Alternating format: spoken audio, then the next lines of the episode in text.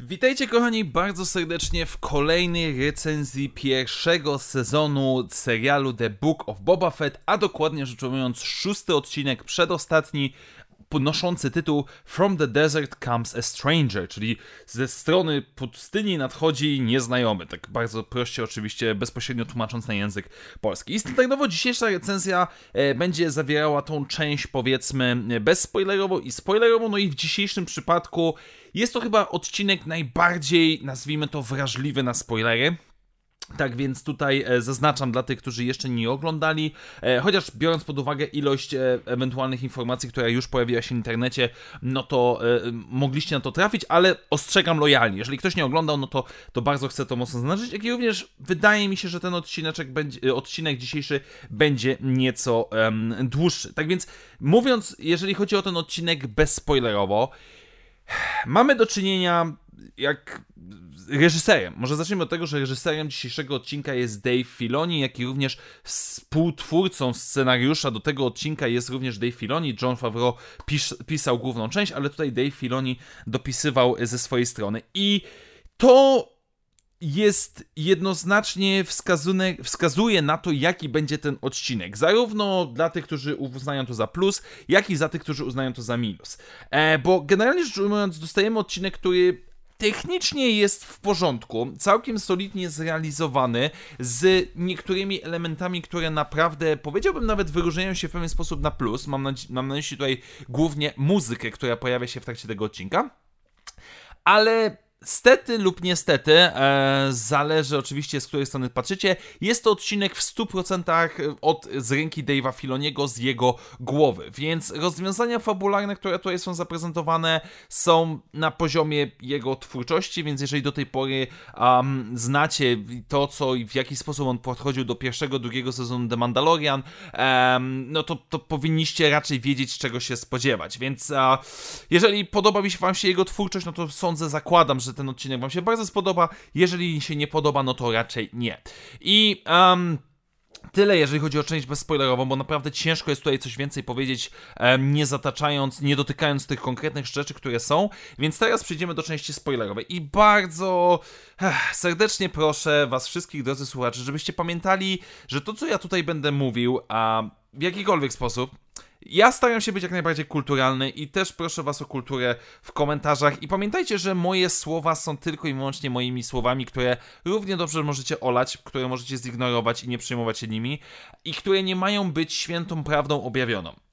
I mówię to wszystko z tego względu, że no właśnie zajmujemy się odcinkiem dotyczącym, e, zajmujemy się odcinkiem stworzonym przez Dave'a Filoniego, co momentalnie widać od jakiejś powiedzmy 10 minuty tego odcinka. I dzisiejszą recenzję muszę podzielić na dwa aspekty. Na wątek Luka Skywalkera i Grogu, którzy pojawiają nam się w tym odcinku, oraz nazwijmy to wątek Tatooine, czyli Boba Fett, Pajkowie, Cobb Vent a, i tak dalej, i tak dalej. Więc zacznijmy od wątku Luka Skywalkera, który pojawia nam się e, w tym odcinku i który sam w sobie jakiś jest. A jakby za chwilę przejdę, jak ja na to przynajmniej patrzę, ale po raz kolejny przez oglądając ten odcinek, czy głównie skupiając się na tym wątku, bo nie oszukujmy się, on jest przez zdecydowaną większość tego odcinka, zadawałem sobie pytanie, dlaczego on jest w tym serialu. Generalnie znów dostajemy odcinek, którym tym razem Boba Fett dosłownie się pojawia, ale na 10 sekund, nic nie mówi i po prostu jest to tak niesamowicie dziwne, biorąc pod uwagę to, co dostaliśmy w poprzednim odcinku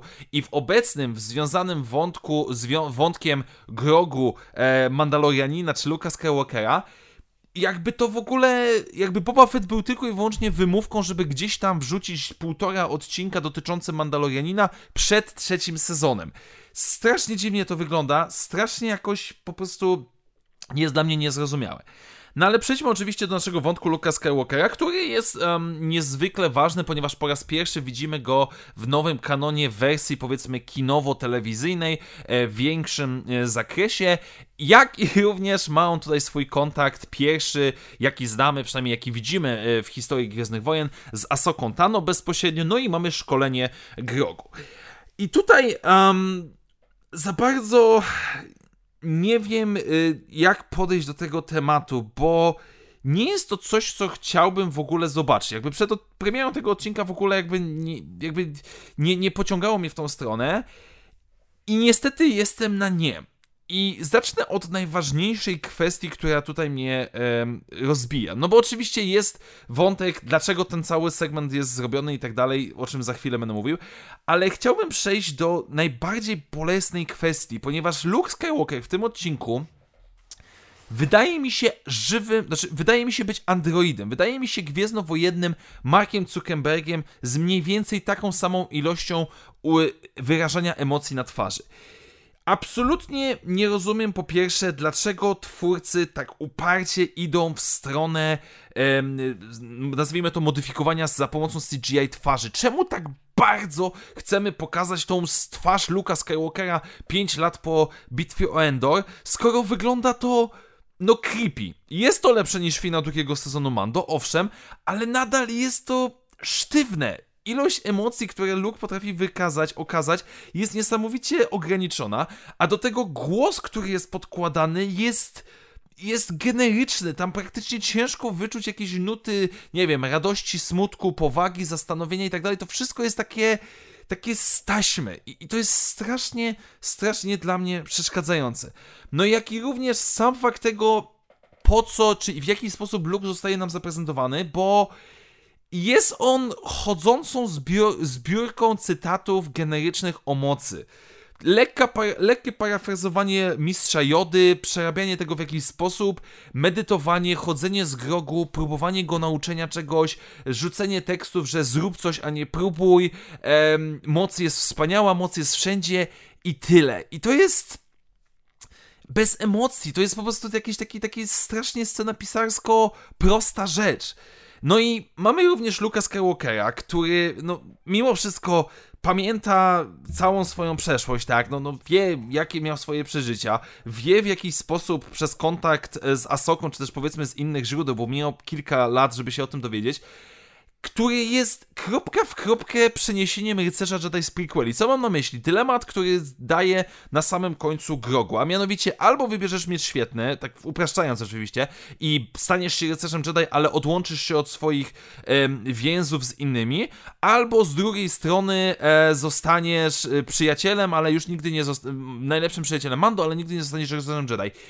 I to jest podane z tym jego głosem, z tym jego grą aktorską, niczym wybór w grze, gdzie maszyna każe ci wybierać między wyborem A a B. To jest strasznie takie. Naprawdę to jest twój wniosek, jaki wyciągnąłeś z tych wszystkich swoich prywatnych doświadczeń, z, z, z tego upadku zakonu Jedi. No, naprawdę, wiecie, przeraża mnie fakt tego, bo przypominam sobie, że Kilka tygodni temu dostaliśmy e, bodajże 20 zeszyt serii komiksowej Star Wars, gdzie Luke Skywalker spotyka się z duchem, El, nazwijmy to duchem, Elzara Mana e, z okresu The High Republic i tam dostajemy kilkanaście stron rewelacyjnie napisanego dialogu, czy też bardziej monologu na temat mocy. No, po prostu jestem tak niesamowicie zszokowany, że takie banały lecą z ust Luka Skywalkera, że jest mi szkoda tej postaci. Okej, okay, w drugim w finale drugiego sezonu The Mandalorian, no nie podobało mi się jego zastosowanie, ale dobra, okej, okay, miał ponaparzać, to naparzał, zrobił swoje i tyle. Okej, okay, spoko. Ale w tym przypadku nie wiem, co to jest. Jakby to jest tak pozbawiona jakiejś emocji postać i, i ciężko mi to zrzucić na to, że on jest doświadczonym mistrzem Jedi, bo no jest generycznym mistrzem Jedi i to strasznie, strasznie mi przeszkadza. E, również sam fakt tego, że w pierwszy raz widzimy jego relację z Asoką i z tego, co da się wywnioskować z odcinka, oni już się znają trochę. Znaczy się rozmawiali ze sobą, to nie jest tak, że Asoka pierwszy raz przyleciała, ale wygląda to, że Asoka po prostu nagle się pojawiła na tej planecie, albo była przez chwilę z Luke'em Skywalkerem, ale jednocześnie ona ma swoje zadanie, zakładamy, że szukanie Trauna. Luke będzie zajmował się szkoleniem Grogu. To jest strasznie zmarnowany potencjał. Nie oszukujmy się, spotkanie Asoki, doświadczonej rycerz Jedi, mimo wszystko pamiętającą zakon Jedi i tak dalej, z Luke'em Skywalkerem, to mogłoby być coś fenomenalna rzecz, mimo że nie lubię okresu, faktu tego, że Asoka nadal żyje. Ale dobra, to byłaby fenomenalna rzecz, nie oszukujmy się, gdyby była dobrze napisana. to kiedy oni się spotkają? W serialu Asoka? Czy, ale ona już tam będzie raczej sama latała? Jakby jest to strasznie dla mnie dziwnie wszystko zrobione. Sama lokalizacja, samo umiejscowienie tej akademii, sama nawet fakt tych y, robotów mrówek jest całkiem sympatyczny, jest całkiem okej, okay, w porządku.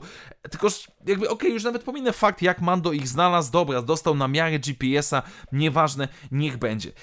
Jest to ładnie zrealizowane. Ujęcia momentami przypominają jakiś film dokumentalny. Moment, gdzie Luke Skywalker za pomocą mocy przyspiesza Grogu jest absolutnie rewelacyjny i to, to autentycznie mi się podoba.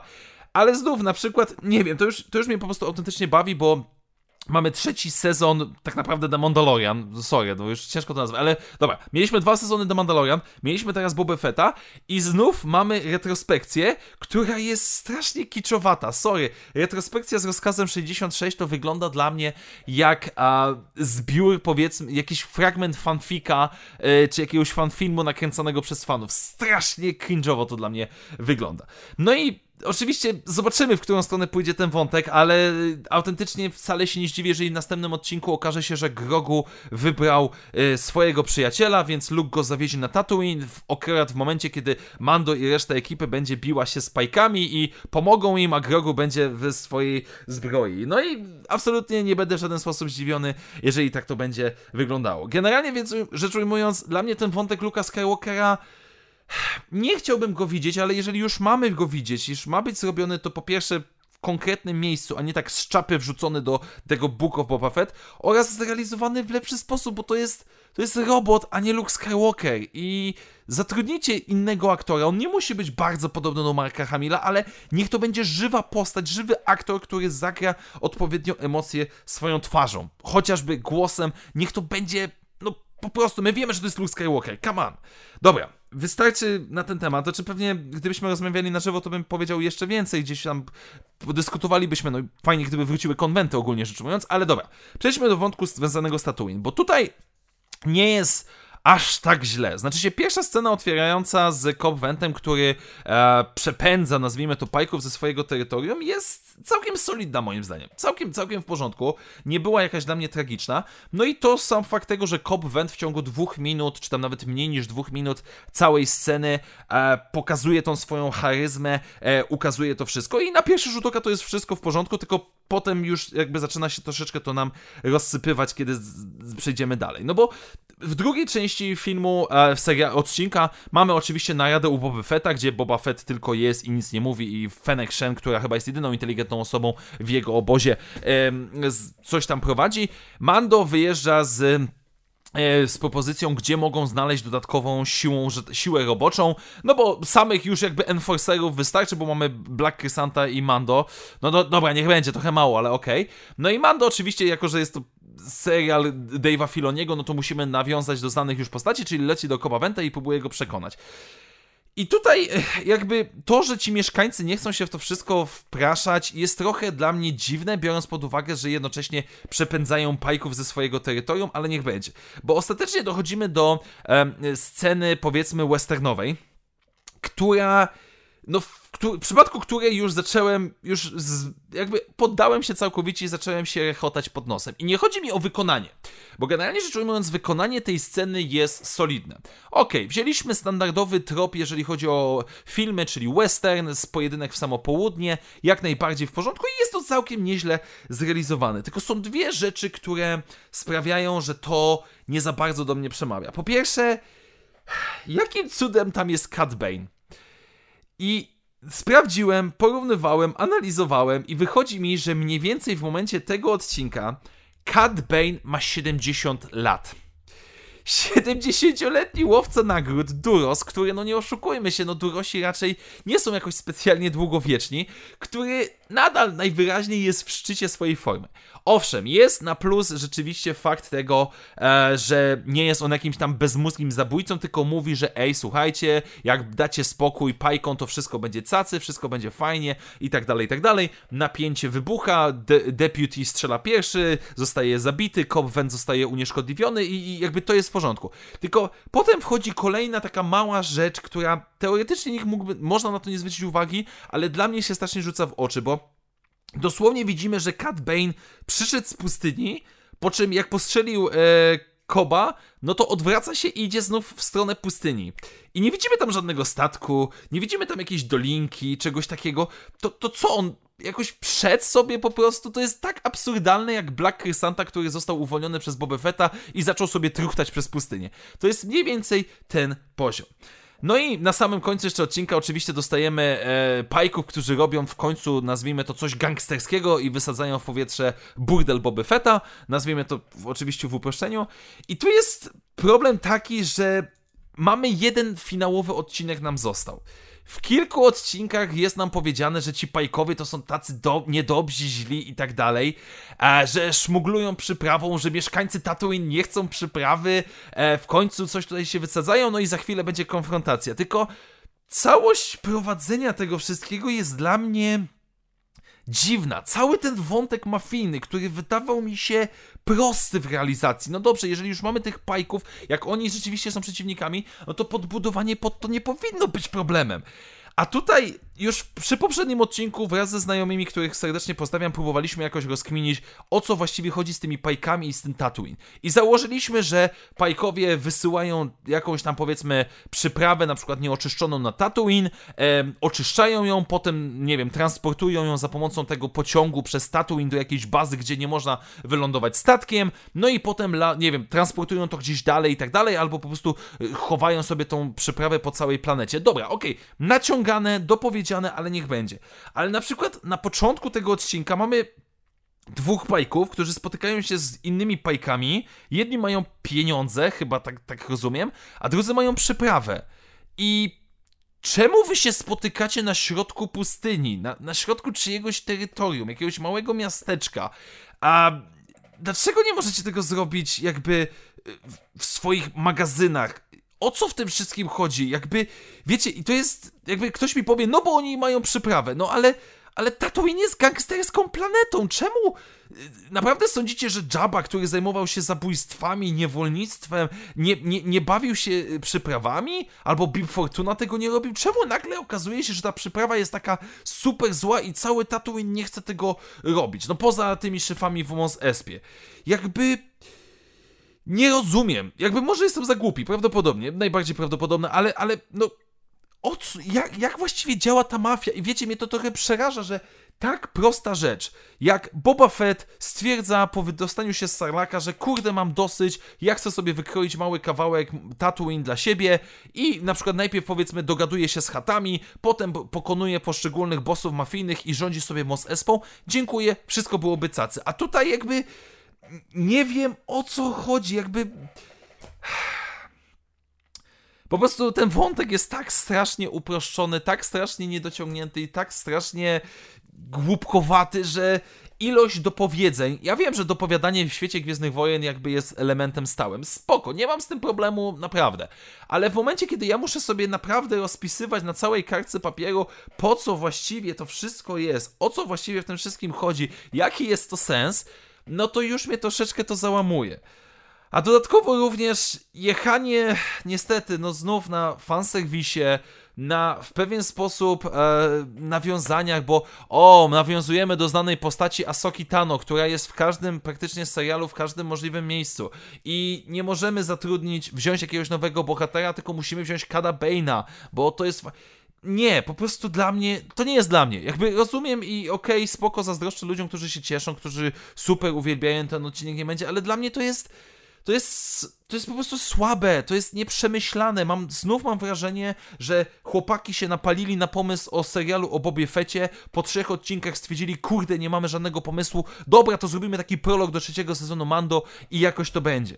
I teraz, o ile jeszcze ktoś, w sumie miałem zadać to pytanie przy wątku Luka, Ej, bo może niektórzy fani Luka Skywalkera już się obrazili na mnie i, i przestali słuchać, ale teraz chcę zadać pytanie nieironiczne, niezłośliwe w żaden sposób, bo widziałem gdzieś tam w internecie opinie e, czy komentarze, że cała scena z Luke'em Skywalkerem jest świetna, że to jest piękne i tak dalej. I mam autentycznie pytanie, czy to jest to, co wy oczekiwaliście, czy chcielibyście zobaczyć z Luke'em Skywalkerem? Czy w ten sposób zaprezentowanie Luka Skywalkera odpowiada waszym oczekiwaniom, czy, czy, czy nie? Bo jakby, no jestem zaintrygowany, bo ciężko jest mi znaleźć coś, za co miałbym lubić tą wersję Luka Skywalkera, bo znów po raz kolejny, ale o wiele lepszy Luke Skywalker z tego okresu dla mnie to jest Battlefront 2, gdzie mamy go przez krótką chwilę, ale tam jest naprawdę rewelacyjnie napisany w porównaniu z tym, co tutaj dostaliśmy. No i jako, że już przebiła 20 minuta e, tego dzisiejszego odcinka, spróbuję jakoś to w pewien sposób podsumować. Ten odcinek utwierdza mnie w przekonaniu, że ja już chcę, żeby ten serial się skończył. Niech, niech Bóg Fett się skończy. Jakby nie robię sobie oczekiwań na Asokę, nie robię sobie oczekiwań na jakikolwiek inny serial od Dave'a Filoniego i John Favreau. Niech on będą. Znaczy one będą spoko. Jestem przekonany, że wielu fanów um, będzie zachwyconych i, i będzie super, że o kurde, prawdziwe Gwiezdne Wojny. Tylko dla mnie to jest słabe. Po prostu to jest skupianie się na drobnostkach, skupianie się na ciekawostkach, na powiązaniach, na koneksjach kosztem bohatera, jakiegoś bohatera, jakiejś historii, jakiejś sytuacjach związanych z głównym bohaterem. Naprawdę jest mi po prostu szkoda, już po prostu zakończmy. Dla mnie niech ten sezon się zakończy i tyle. A, i, I nie mówię tego, wiecie, jakby jestem już zmęczony tłumaczeniem tego po raz kolejny, kolejny. Nie chodzi mi o to, że jak wam się podoba, to macie, nie macie racji, a ja mam rację, coś takiego. Nie, po prostu to nie jest w ogóle dla mnie. Jakby, sorry, to dzisiejszy odcinek mnie zmęczył, bo jeżeli tak mają wyglądać te Gwiezdne Wojny, no to, to, to nie będzie dla mnie zbytnio przyjemne. Jasne, będę nadal to oglądał, będę w jakiś tam sposób oceniał, czy dzielił się swoimi wrażeniami, ale nie będę z tego czerpał jakiejś super przyjemności, bo nie jestem w stanie. I nie mówię, że, że, że, że nikt, nikomu się nie ma to podobać. Po prostu, no niestety, no ja jestem zawiedziony. No, jakby tak jak poprzedni odcinek był takim czymś naprawdę spoko dla mnie, bo taką miniaturką tego, co możemy wykrzesać z tego świata Gwiezdnych Wojen, który ma gigantyczną ilość możliwości, pomysłów, a my kręcimy się cały czas z tym jednym zamkniętym w pewien sposób kółku, co... No cóż, no po prostu autentycznie mnie smuci. Nie, nie, nie będę kłamał. Więc jeżeli wam się podobało to wszystko, zazdroszczę, cieszę się i bawcie się dobrze. Ale no niestety ten odcinek mnie mnie zasmucił, zmęczył i już nie chce mi się więcej o nim gadać, przykro mi. Ale oczywiście będę starał się odpisywać na wasze komentarze. Generalnie przepraszam wszystkie osoby, które nie odpisywałem y, na komentarze po poprzednimi odcinkami, ale po prostu czasami albo mi się nie chce, albo jestem zmęczony, albo jestem zajęty czymś innym i też za bardzo nie lubię pisać. Wolałbym się spotkać na żywo i podyskutować. No ale może kiedyś się uda. Na razie dzisiaj dziękuję bardzo serdecznie. E, wyszło długo, ale no cóż, po prostu miałem potrzebę się wygadać. Tak więc dziękuję Wam bardzo serdecznie. Zachęcam do dzielenia się swoimi komentarzami w sekcji komentarzy. A na dzisiaj to wszystko. Do usłyszenia w następnych materiałach i jak zawsze niech moc będzie z Wami. Na razie, cześć!